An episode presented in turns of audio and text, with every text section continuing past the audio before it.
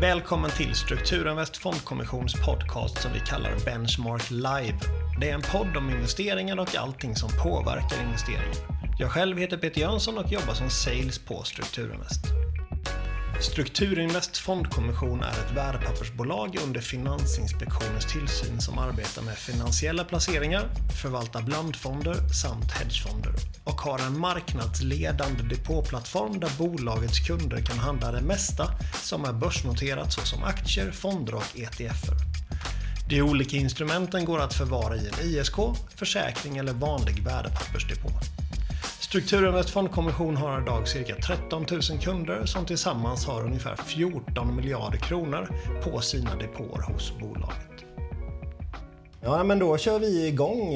Idag har vi med oss Stefan Olofsson och Ulf Öster från Sensorfonder som är en av de absolut mest framgångsrika blandfonderna i Sverige de sista, jag skulle kunna säga 10 åren, men det är bara 9,5 år faktiskt. Så välkomna hit. Eh, vi kan ju börja lite och berätta lite om er historia. Hur började ni i branschen? Vad liksom har ni gjort tidigare och så vidare? Ja, Ulf här. Eh, jag har väl varit med längst då av oss två eftersom jag är några år äldre än Stefan. Jag började i branschen 1974 på en firma som heter Jakobsson och Ponsback.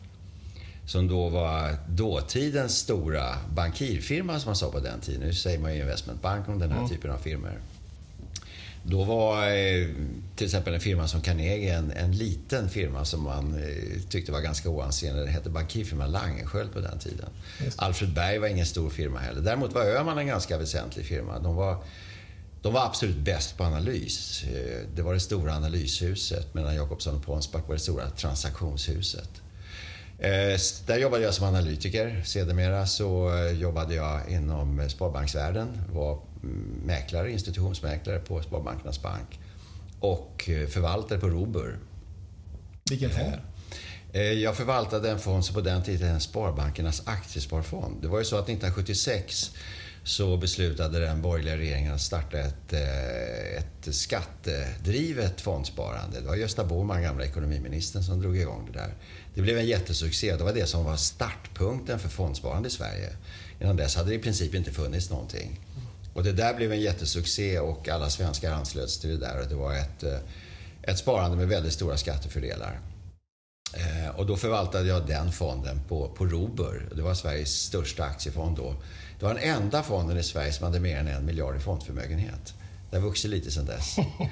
Eh, verkligen. Robur var fortfarande då, eller som det hette faktiskt då, Sparbankernas eh, värdepappersfonder hette det på den tiden. var största fondbolag. SE-banken och Handelsbanken var stora. PK-banken som var den fjärde stora banken var ganska små och provinsbankerna var väldigt små. Det fanns en massa provinsbanker på den där tiden. Mm. Sundsvallsbanken, Östgötabanken, Upplandsbanken, Skaraborgsbanken och så Fanns det några fondbolag som inte ägdes av banker? Nej, Götabanken hade ett, eh, Föreningsbanken hade ett och, och provinsbankerna hade ett. Och det, några privata fondbolag fanns inte. Liksom det fanns väldigt få privata initiativ överhuvudtaget på, på finansmarknaden. Vi hade ju till exempel ingen vi hade ju ingen obligationsmarknad egentligen värd namnet på den tiden. Vi hade ju inte startat ännu. Så det, det, var, det var väldigt lite så. Utan det var, det var egentligen de fyra storbankerna som dominerade och provinsbankerna var väldigt små. Och Stefan, vad är din bakgrund? Ja, jag började jobba i branschen år 2000. Det var väl inte den bästa tajmingen. Började... 26 år efter Ulf då? Ja, så kan man se det. Så jag är lite yngre. Men eh, jag började mitt i den värsta smällen kan man väl säga. Jag började som investeringsrådgivare eh, på ett bolag som heter Delphi i Göteborg. Eh, ganska snabbt så fick jag eh, även då eh, arbeta med eh, förvaltning. Det var väl cirka två år senare. Sen gick det lite sämre för det här bolaget, Delphi, så att jag flyttade upp till Uppsala där de samlade det som fanns kvar av Delphi. Där förvaltade jag diskretionärt under ganska, några år. Sen flyttade jag över till Mikael Östlund Company runt 2004. Och då följde mina diskretionära kunder med från eh, Delphi. Och det var där jag träffade Ulf. Och det var även där vi började förvalta då tre stycken fonder, varav en Sverigefond. Det eh, gjorde vi från och med hösten eh, 2004 till våren 2007. Eh, därifrån gav vi då de här fonderna bort till Cicero på grund av att eh, Mikael Östlund hade ett lite problem med kapitalbasen. Fonderna gick jättebra, produkterna gick jättebra men själva bolaget gick lite sämre. Mm. Och då blev vi kontaktade av ett bolag eh, som heter Günther och Wikberg kapitalförvaltning. Och eh, där vi då blev ombedda att starta upp en fondverksamhet inom ramen för GOV. Och vi gjorde det. Vi hade allting på plats men då kom ju Lehman-kraschen. Och då blev det lite så att en del av GOV ville fortsätta satsa på fond medan en del ville inte göra det. Och då valde vi då att köpa ut den diskretionära avdelningen från Günther och Wikberg och fondbolaget 2009. Och därefter då, då har vi kört det här bolaget, Sensor Sverige. Mm. Och fonden Sensor Sverige Select. Lysande. Eh, varför? För ni har varit inne på och kört Sverigefonder tidigare. Och Sensor Sverige Select är ju en blandfond. Varför liksom vill man inte fortsätta? Varför blir det ingen småbolagsfond eller varför blir det ingen ren Sverigefond? Ja, vi hade funderingar både på det ena och det andra men det vi kände var väl att vi ville liksom ha en fond som vi kunde hantera på så sätt som man själv kanske vill hantera sina egna pengar. Det vill säga växla mellan att ha mycket aktier och lite aktier. Det var väl den största anledningen till att vi valde att ha en mixfond. Och grundidén i fonden är just att i positiva marknadsklimat ska vi ha mycket aktier och ett lite sämre marknadsklimat ska vi ha klart mindre aktier. Och det innebär då att vi sedan 2009 har varit uppe i 100% i allokering i aktier och vi har varit nere mot 25%. Och det är väl just det känslan man har med sina egna pengar, att man får anpassa risk, risken i fonden efter rådande börsklimat. Istället för att kunden gör det så gör ni det åt kunden kan man säga? Ja, om man ser det ur ett kundperspektiv så är det ju väldigt behagligt för kunden och eh, de har ju ofta väldigt stora problem att eh, de tror ju att fondförvaltare inom Sverigefonder till exempel viktar ner aktievikten vid sämre tider. Men det gör man ju inte utan mandaten i Sverigefonder är ju att alltid ligga 100% investerade i stort sett. Så vi tar hand om allokeringen för kundens räkning. Så att eh, även när det ibland behövs mycket aktier och ibland lite aktier så behöver inte kunden fundera på det utan vi gör det för kunden. Vad är, vad är målet med fonden? Eh, är det att liksom tjäna pengar oavsett eller är det att vara bättre än något index? Eller? Ja, vi, att, vi är ju ingen hedgefond, så Nej. vi lånar, lovar ju ingen absolut avkastning. Då får man ha andra produkter. Mm. Vi arbetar inte med blankning och sånt där. Utan eh, går börsen upp så eh, är ju vår förhoppning att vi har då en högre allokering i fonden och går börsen ner så ska vi ha lite mindre allokering i, eh, i fonden. på så sätt ska vi slå det här jämförelseindexet vi har satt upp. Vi jämför oss mot ett benchmark som är 50 6RX. Det är då ett börsindex där man har lagt tillbaka utdelningarna. Och så har vi då också 50 OMX T-bill som vi lägger till. Och över tiden då vill vi slå det och gärna slå det ganska mycket. Och, så, och då i samband med att vi överviktar och underviktar att vi har en bra riskjusterad avkastning. Mm. Och det har ni haft hittills? Ja, det har gått väldigt, väldigt bra för fonden. Eh, vi har ju både fått utmärkelser för det och eh, tittar man på hur vi avkastar mot benchmark så ligger vi väldigt mycket eh, före benchmark. Jag tror att siffran var, du hade nog den där jag har den inte dagsaktuella, ja. men det var något Jag tror att ni är upp ungefär 150 och benchmark upp ungefär 85. Ja, precis. Någonstans där. Så nästan dubbla avkastning mot det här 50-50 jämförelsen då mot aktier och ränta som, som ni har. Mm, och eh, vi har under vissa perioder till och med varit bättre än 6RX från fondstart. Mm. Och eh, trots att vi då har en lägre risk än vad eh, börsen har. Vi har väl ett beta på cirka 0,7 Mm. Och en volatilitet som är klart lägre än marknaden. Så att vi har varit väldigt framgångsrika över tiden. Så en del av pengarna går till aktier och en del av pengarna går till räntor? Eller vad, är, vad använder ni den andra delen till som inte går i aktier? Ja, fonden var ju ganska liten från början. Då köpte vi faktiskt inte räntebärande papper överhuvudtaget utan vi köpte mycket preferensaktier. Vi var väldigt tidiga in i preferensaktier och när de var undervärderade och underanalyserade. Vi köpte bland annat mycket Balder Pref väldigt tidigt. Eh, vi såg det som ett substitut. Så istället för att köpa eh, räntebärande som obligationer och eh, FRN till exempel och binda in kapitalet där köpte vi preferensaktier. Nu har ju fonden varit väldigt framgångsrik och det har ju medfört att vi har fått in mycket större volymer i fonden.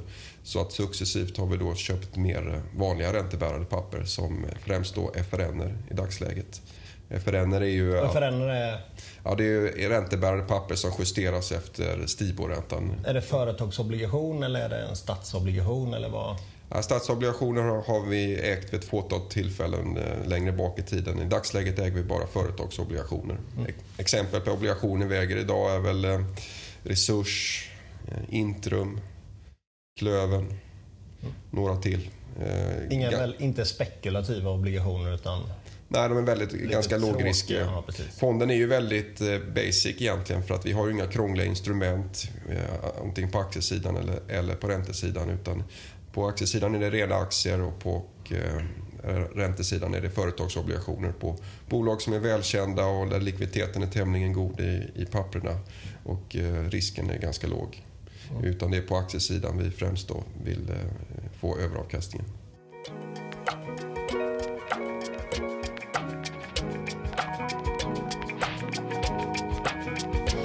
Och vad är det för aktier ni letar efter? Är det stora bolag, små bolag? Bra bolag gissar jag på. Att det är Ja. det man letar efter alltid oavsett storlek. Jo, det är ju alltid bra bolag man, le- man letar efter. Vi är opportunister. Vi har ingen bestämd uppfattning om vi ska ha stora bolag eller om vi ska ha små bolag. Eh, många gånger har vi haft en sammansättning mot det mindre hållet och i dagsläget kanske vi har lite mot det, mot det större hållet. Beror det på att ni vill vara mer defensiva nu? För ofta så går väl större bolag lite lägre volatilitet har väl större bolag oftast än mindre bolag kan jag tänka mig. Ja, alltså det, det, det beror på vad man finner bolag som är undervärderade helt enkelt. Och det är där man, man söker dem. Det är ju lite lättare för oss som är en, en liten firma och eh, undersöka och analysera mindre bolag och hitta guldägg där än att analysera och köpa de här stora bolagen. Sen är det ju så att många svenska storbolag har haft ganska mycket problem de senaste åren av de här stora drakarna. Och eh, vi har istället då valt att fokusera på eh, lite mindre bolag där det är lättare att hitta bolag med eh, kraftig vinsttillväxt och, och vad heter det, omsättningstillväxt. Vi gillar liksom att bilda en portfölj av bolag som just har kraftig vinsttillväxt i, botten. Jag skulle vilja skjuta in där också att vi har väl vågat gå mot strömmen lite grann när vi letar bolag. Jag brukar säga det att vi har vågat vara lite politiskt inkorrekta ibland. För det finns ju en del bolag som eh, många på marknaden rynkar på näsan åt lite grann. Eh, ett sånt exempel är ju till exempel de här bolagen som eh, fastighetsbolagen då, som jobbar med miljonprogramsområdena och renoverar lägenheter där. Två exempel är Victoria Park och Hembla som tidigare hette då Dekanegi. Carnegie. Och där har vi gjort väldigt djup djupa research på, på bolagen. Vi har tittat på deras processer för det här med renoveringar. Hur jobbar de med det? Och vi har sett väldigt industrialiserade processer. Eh, otroligt lönsamma processer där man går in och eh, väldigt snabbt tömmer lägenheter som ska renoveras. Man väldigt snabbt skjuter in det som man ska stoppa in i form av nya kök och badrum. Eh, och man gör det här med hyresgästernas efterfrågan som grund. Och inte tvingande, där man i många fastighetsbolag tidigare har gjort så att man tömmer hela fastigheter. Tvingar folk till, till någon form av eh, boende någon annanstans under renoveringsperioden. Och tvingar på folk mycket högre hyror. För det är väl lite så det har framställts i media. Så har det väldigt mycket framställts i media och vi vet många förvaltare som rynkar på näsan åt det där tycker jag. Men man kan ju inte aktier i sådana där bolag som äger eh, fastigheter i de här problemområdena. Eh, men tittar man lite djupare så förstår man då att jo, det kan man absolut göra och det har varit något av våra mest framgångsrika innehav. Och det där tycker jag är symptomatiskt lite grann för hur vi jobbar. Att vi letar sånt som är då undervärderat eller lite bortglömt eller kanske sånt som man rynkar lite grann på näsan åt. Och där kan man då hitta de här guldkornen. Och där har Stefan varit jätteduktig på det tycker jag. Han, har, han, han vågar titta efter sånt. Eh, vilket andra då inte gör. Så där tycker jag att det är ett bra exempel på hur vi kan jobba och som har givit oss stor framgång. Mm. Och Hembla är fortfarande en av större innehaven i fonden. Hembla är ett av våra absolut största innehav i fonden fortfarande. Vi tror mycket på det bolaget och eh, det är väl dessutom, kan ju möjligtvis finnas en liten krydda i det bolaget att eh, det kan bli uppköpt. Det, det är en amerikansk storägare som dominerar helt och hållet och man kan ju fråga sig varför har de det här bolaget börsnoterat idag? Det, det finns ju egentligen ingen riktig anledning för dem att ha det. Det kostar en massa pengar och en massa besvär. Eh, vi har inte aktien för att vi tror att det ska komma ett bud. Vi har aktien för att vi tycker att det har en, en fantastisk eh, story. Och, och därför kommer vi ha kvar aktien. Men, men det finns ju en, en extra liten dimension där möjligtvis. Så ni har egentligen varit bättre än börsen på grund av väldigt bra aktieval jämfört med allokering? För du säger att liksom mest avkastning har kommit på att ni har hittat de här bolagen som verkligen gått riktigt bra. Ja, nu är vi en allokeringsfond och, och då försöker vi också jobba med allokering eh, utifrån det perspektiv vi har på vart är marknaden på väg någonstans. Så det har ju varit en viktig beståndsdel i, i förvaltningen i, i fonden. Eh, men den viktigaste beståndsdelen det är ju på sikt att hitta rätt aktier. Så är det för alla som jobbar med aktier. Det, det, det måste man göra. Så det har varit den viktigaste beståndsdelen. Men, men beståndsdelen att eh, också eh, hitta rätt i marknaden och vart marknaden är på väg är, är fortfarande väldigt viktigt för oss. Och det är klart att tror vi att vi står inför en väldigt stor sättning, ja då ska vi ju dra ner vår exponering eh, kraftfullt, både med hur vi exponerar mot aktiemarknaden men också kanske ha en annan exp, eh, komposit, ja, precis, komponera portföljen på ett annorlunda sätt mm. och ha mer defensiva aktier. Och det har vi väl gjort lite grann under senaste tid. Vi, har, eh, vi hade mycket industribolag tidigare, vi har färre industribolag idag, vi har mer bolag på, på den mer defensiva sidan om man ser defensiva bolag som till exempel läkemedelsbolag, mm. Eh, konsumentvarubolag och så vidare. Mm. Vad, um, hur, är, hur är ni allokerade nu? Är det liksom 50 ungefär? Eller Nej, vi allokerade just nu så att vi har ungefär två tredjedelar av portföljen exponerad mot aktiemarknaden. Eh, och sen så eh, har vi då eh, lite preffar och därutöver så är det då kassa mm. och eh. Vi har ju den lite unika positionen att vi kan ha hela portföljen i kassa. Det är ju inte så många som kan. Det kommer vi aldrig ha. Nej. Eh, men vi kan ha det. Precis. Och sen är ni försiktigt positiva kan man säga då, med tanke på att ni ligger lite över 50-50 allokeringen. Ja, vi är det och det, det, vi, det grundar sig dels i att vi ser då att centralbankerna har dragit ner på den här lite mer aggressiva hållningen som vi såg i höstas när vi trodde då att det skulle komma rätt mycket räntehöjningar. Vi trodde också att det skulle komma väldigt mycket mer åtstramningar på likviditetsområdet.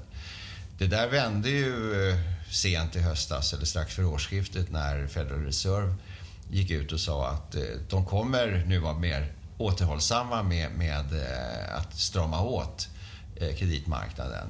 Dels blir det färre räntehöjningar och dels så kommer det inte komma några mer åtstramande åtgärder i form av att Fed gör massiva återköp av obligationer till exempel.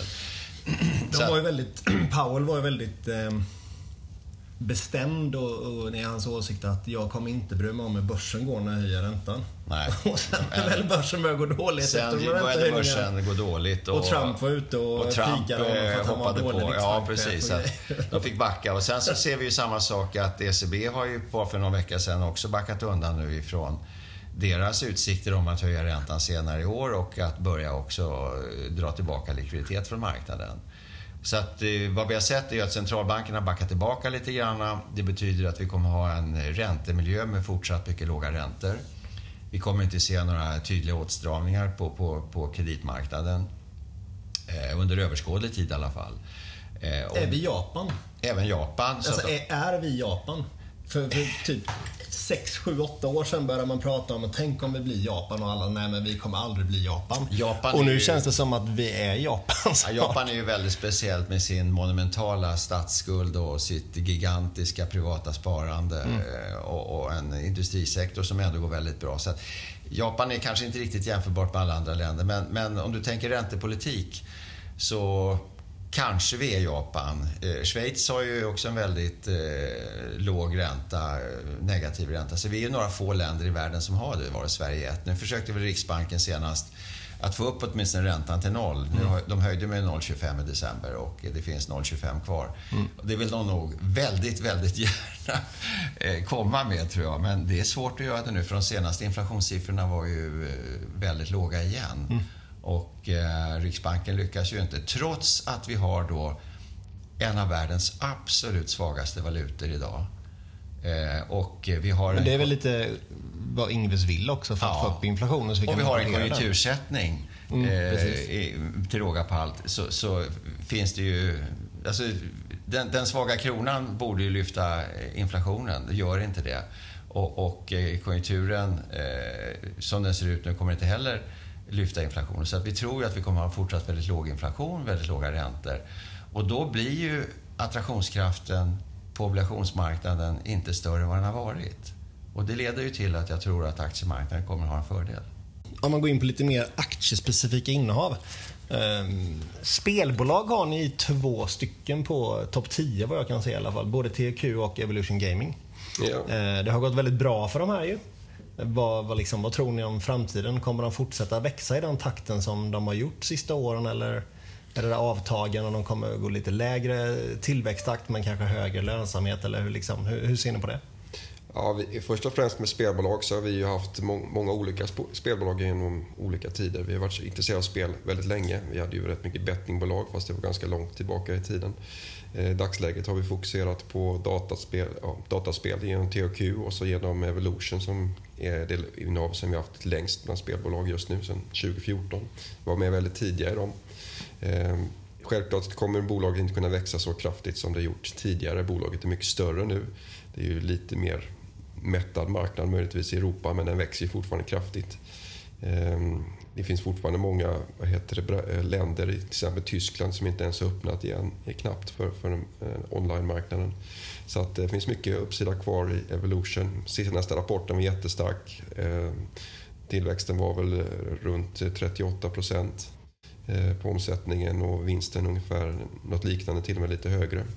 Jag tror inte de kan höja sina marginaler mycket mer. De har lovat att de ska höja marginalerna i år, men det är ganska blygsamt, men det är ändå stigande marginaler. Eh, men vi gillar just att ha sådana bolag som växer kraftigt för att eh, de har ett värdering då som är väldigt tilltalande och de har ett PEG-tal under ett. Så att marknaden tror ju inte fullt ut på, på den tillväxten som Evolution har och det Nej, tror jag marknaden har missat. Sen kommer ju USA öppnas. Evolution är väl egentligen det enda bolaget som sysslar med live-casino vilket är det, det de gör.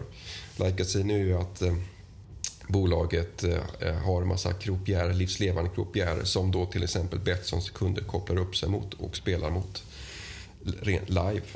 Och eh, när bolaget startade, eller när vi började köpa in oss, så hade ju bolaget kanske typ 500 anställda. I dagsläget har de typ 5000 anställda och anställer 400 personer varje kvartal.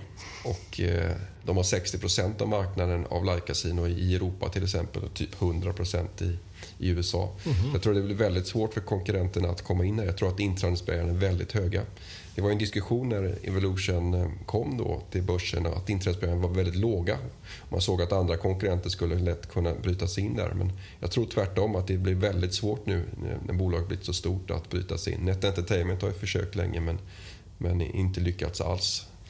Eh, så det blir nog väldigt svårt. Och sen har du den här tillväxten då, potentialen i till exempel USA som ska öppnas upp. Jag tror väl att kanske om 3 till 5 år kanske mot 25 delstater i USA kommer öppnade för online-casino. Och den marknaden är ju ännu större egentligen. Och de är stängda idag för live-casino? Ja, de är stängda för all online-casino. Okay.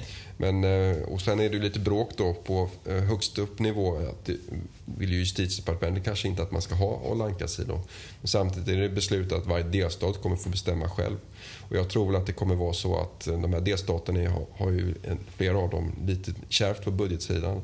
Att de kommer, precis som de gör i Europa, man vill ha in skattepengar och då kommer man tillåta online-casino. Och då ligger Evolution i väldigt framkant här mm. på det. Så att se fortsatt stor vinsttillväxt i det bolaget. Och värderingen har då blivit mycket lägre än tidigare år. Så att, mm. Trots avtagande tillväxt då, för det kommer det ändå vara, så ser det väldigt intressant ut. Lite farlig aktie bara, mycket volatil. Den rör sig väldigt mycket. Mm. Men så länge det är volatilitet uppåt så gör det inte så mycket. Nej, bara den fortsätter upp den långa trenden. ja, Sen har vi ett spelbolag till, det är ju THQ. Det är ju mer det här vanliga dataspel som, som ja, ens barn spelar hela tiden. Gaming. Jag lyssnade på någon, någon eh, Citibank-strateg eh, och han visade en lista på de tio största tävlingarna under 2018 eh, när man pratar om prispengar. Så etta var US Open i tennis. Tvåa, trea, sexa, åtta var e-sport. Alltså mm. globalt. Så fyra av de topp tio bäst betalande turneringarna i världen var e-sport. Vilket är så såg det inte ut för fem eller tio år sedan gissar jag på.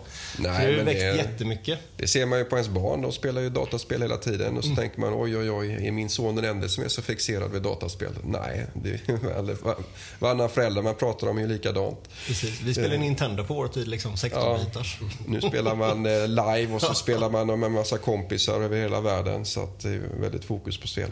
Mm. Men eh, ser man på THQ till exempel som, som vi äger så har vi, det är inte så att THQ kanske har varit bäst på att, ehm, att eh, komma på egna spel som har växt lavinartat. Utan det fantastiska med det bolaget har ju varit att de hittat, köpt andras bolag som har titlar på väg och eh, fått upp eh, lönsamheten på det. Plus att de har köpt de här bolagen otroligt billigt. Vi är jätteförvånade varje gång som det här bolaget presenterar ett köp, hur de kan köpa det här bolaget så billigt. Så vi ser det väl lite mer som kanske de här Indutrade och Adtech-bolagen. Alltså samma upplägg på affärsidén. Köpa eh, väldigt billiga bolag och sen implementera dem i sin egen struktur. Så att, mm. det finns fortsatt väldigt mycket tillväxt i THQ eh, på det området. För det finns jättemycket bolag att köpa upp tror jag. Och kommer nog göra mycket mer lyckade affärer. Ett bolag som ni äger som har gått lite sämre är Intrum. Mm. Vad, ni verkar se på det på något på ett annat sätt än marknaden med tanke på att det är det mest blankade bolaget på Stockholmsbörsen. Ja, Intrum har ju gått dåligt fast det har gått väldigt bra sen vi köpte. Ja, det är det enda som har betydelse i sig. Så det är det Men liksom, viktigaste. hur ser ni på dem annorlunda än alla andra i världen som vill låna de aktierna och sälja dem? Ja, nej, vi, vi är väldigt förvånade. Hela den, hela den sektorn är ju väldigt förvånande för att P-talen har ju sjunkit väldigt kraftigt. Det är ju inte bara Intrum. För fem år sedan, eller tre, år, tre till fem år sedan så hade ju det ett P-tal på runt 14-15 i alla fall och nu har ju P-talet nere på 8. Och jag ser det på mindre konkurrenter i Sverige som Collector till exempel så har ju det hänt samma sak där ute. Värderingen har har verkligen fallit ihop. Och eh, det verkar väl som i Intrums fall så är det ju främst utländska aktörer som, som säljer på och de är väl mest oroliga för den europeiska konjunkturen och, eh, och skuldkris. Eh, till exempel Italien där då Intrum har byggt upp en betydande, betydande position. Ehm, man har ett väldigt lågt förtroende för ledningen tror jag. Eh, ledningen har ju upprepat eh, väldigt mycket eh, sitt mål om att tjäna 35 kronor per aktie. Och eh, det har ju ingen trott på och det är ingen, marknaden tror fortfarande inte på det. Men det är inte så långt kvar nu till 2020 och han var ju väldigt optimistisk att han nu såg mycket större möjligheter att nå de här 35 kronorna. Så att det är väl därför aktien har gått upp ganska mycket för att eh, det har väl blivit uppenbart för även de här blankarna att, eh, att det kanske inte är helt omöjligt att de når upp mot de där nivåerna. Mm. Sen behöver de kanske inte nå 35 kronor för en aktie för att den ska vara billig. Börsen är väl 280. Så att, eh, har man 35 kronor på aktie så ser ju aktien fruktansvärt billig ut. I alla fall. Vad kostar aktien? Den kostar väl 280. 280 kronor. Delar ut 9,50. Eh, så det är ju väldigt lågt eh, värdering. Men det är klart att då måste du se en väldigt stor upp eh, i år. De tjänade ju bara 16 kronor förra året på aktier. Så det är ju en väldigt betydande del som måste komma i vinsttillväxt under året. Där. Men vdn verkar ju väldigt komfortabel med att det ska i alla fall bli norr om 30 och han tror fortfarande att 35 är möjligt. Mm. Sen är det ju en extra krydda, 13, typ 12-13 procentenheter är blankade av aktien. Eh, I och med om de har fel mm. så blir det väldigt trångt i dörren. Precis, då måste de köpa tillbaka och då får man en sån jättespike. Ja. Sen är det ju lite roligt då att vi vet ju att eh, blankarna betalar ju 15% på årsbasis för att låna aktierna. Är ni inte sugna på att låna ut era aktier? Jo, vi är sugna på att låna ut våra aktier. Så det är ju rätt perfekt att äga någonting man gillar och sen låna ut och få 15% Det är perfekt. Som tack för, tack, tack för, för lånet. Tack ja, för kaffet. Ja, precis. Kaffet. Ja, nej, men det är naturligtvis jättelockande eh, att göra det. Jag skulle kunna tänka mig att, göra det och köpa ännu mer kanske. Mm. Mm. Mm. Sen, sen, är jag lite så orolig för Italien naturligtvis eftersom de har byggt upp större verksamhet där. Men värderingen som sagt är ju hälften av vad den var för 3-5 år sedan. Italien verkar ju vara någonting som väldigt många oroar sig över. När man liksom har en, en eh, supervänsterkille och en superhögerkille som blir polare och så fick de majoritet och så ska de gå ur EU och euron och de ska göra liksom allt möjligt. De ska sänka skatterna och höja utgifterna. Liksom.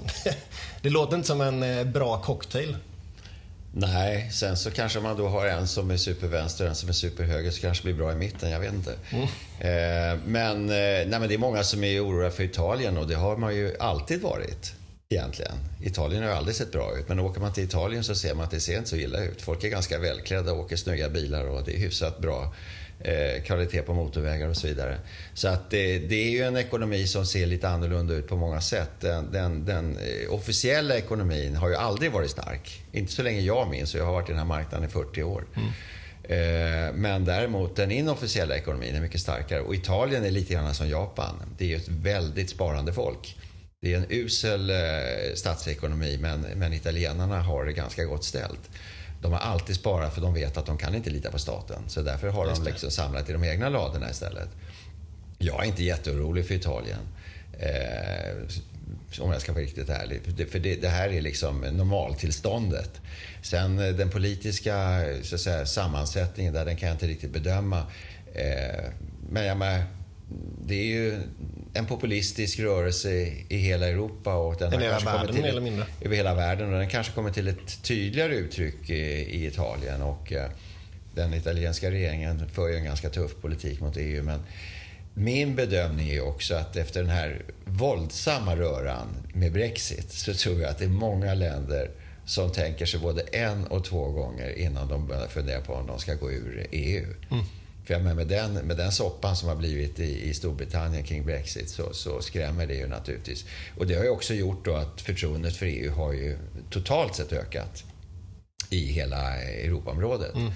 Eh, folk är mer positiva till att stanna kvar idag än vad man var för några år sedan. Och jag tror att mycket är, är Brexit som, som, som har grundat det. Mm, Det var mycket snack om Polen där tror jag, precis efter Brexit-omröstningen. Ja, det finns väl de som tycker att Polen och länder som Polen och Ungern inte riktigt hör hemma i EU därför att de, de eh, motverkar ju så att säga de, de grundläggande principerna lite grann inom EU. Men det är nog också ganska farligt att mota bort någon, tror jag, därför att det finns nog andra som vill suga in ett antal länder i sin hegemoni, till exempel Ryssland. Putin skulle väl hemskt gärna vilja se att ett antal länder kliver ur EU och han får in dem i sin intressesfär istället. Det är nog rimligt. Och det tror jag inte är en önskan vi har gemensamt i Europa. Att det ska bli på det sättet att vi får någon ny slags eh, järnridå igen. För jag med, vi som har varit med ett tag, vi minns ju hur det såg ut en gång i tiden när, när kommunismen hade ett starkt grepp om länderna i Östeuropa. Och det, det var ju bedrövligt, det var ju fasansfullt. Och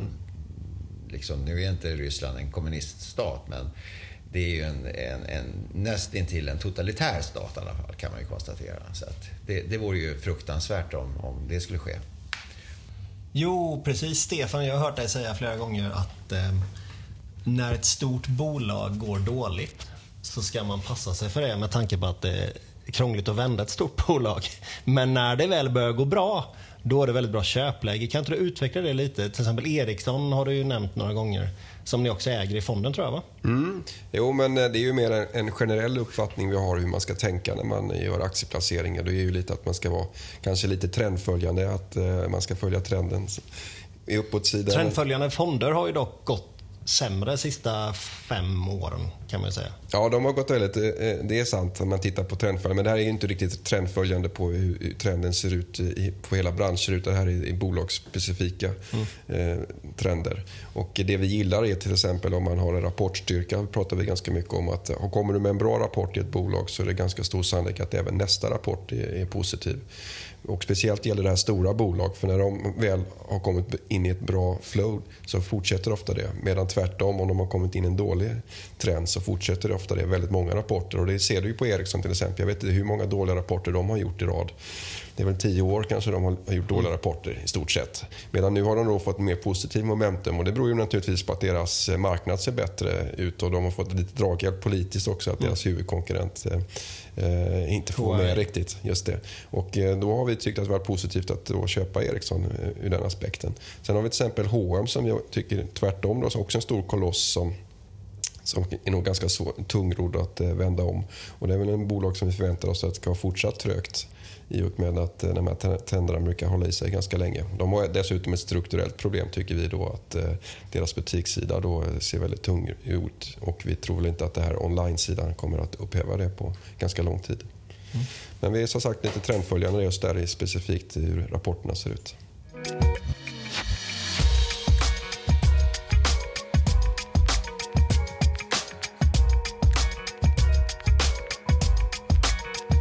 Det någonting ni tycker att jag borde fråga som jag inte har frågat?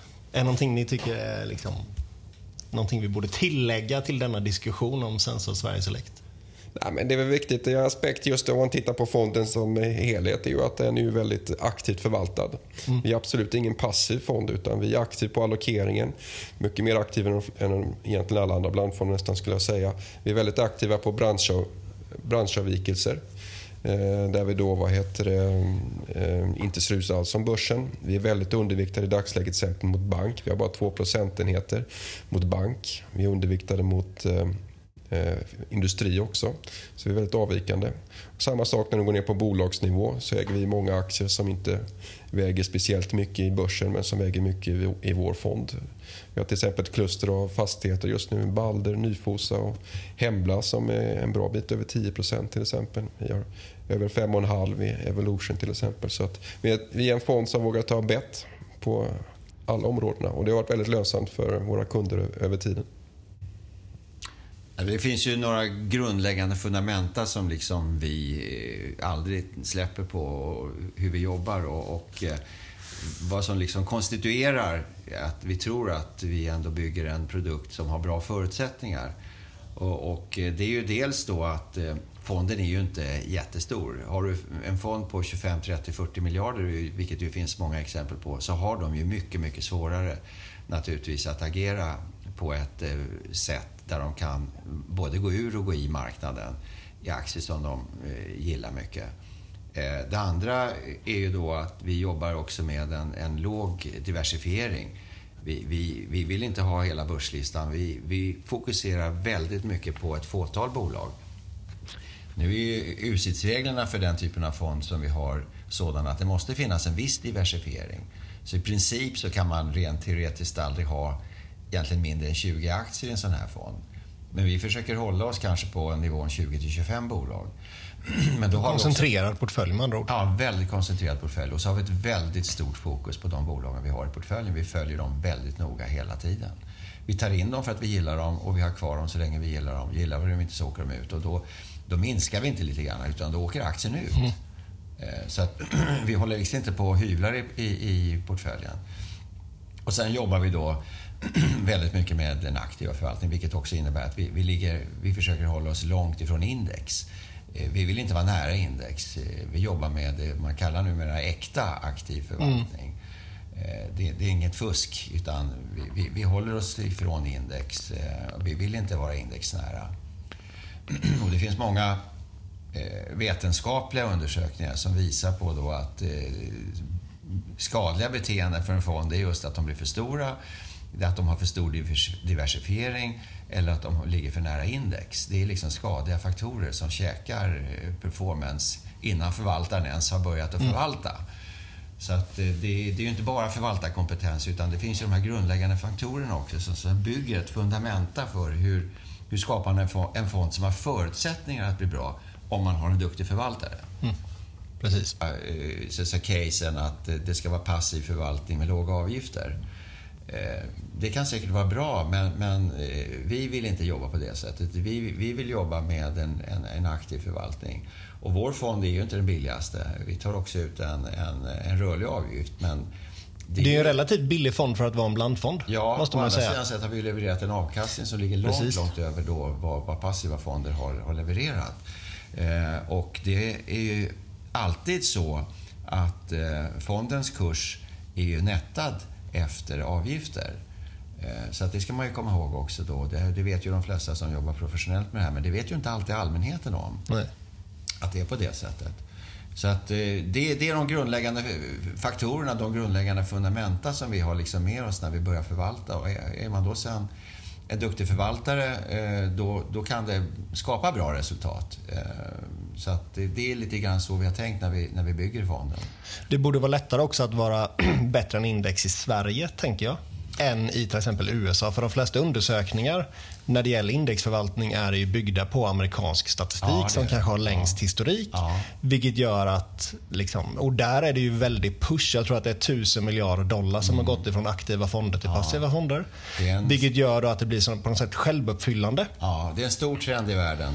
Vi var på Morningstars eh, stora eh, fondkalas här i veckan nu och eh, där hade de en av sina amerikanska analytiker med som, som beskrev några då trender här och en av trenderna är ju det här med, med att man går över mot mer passiv förvaltning, mer indexerad förvaltning.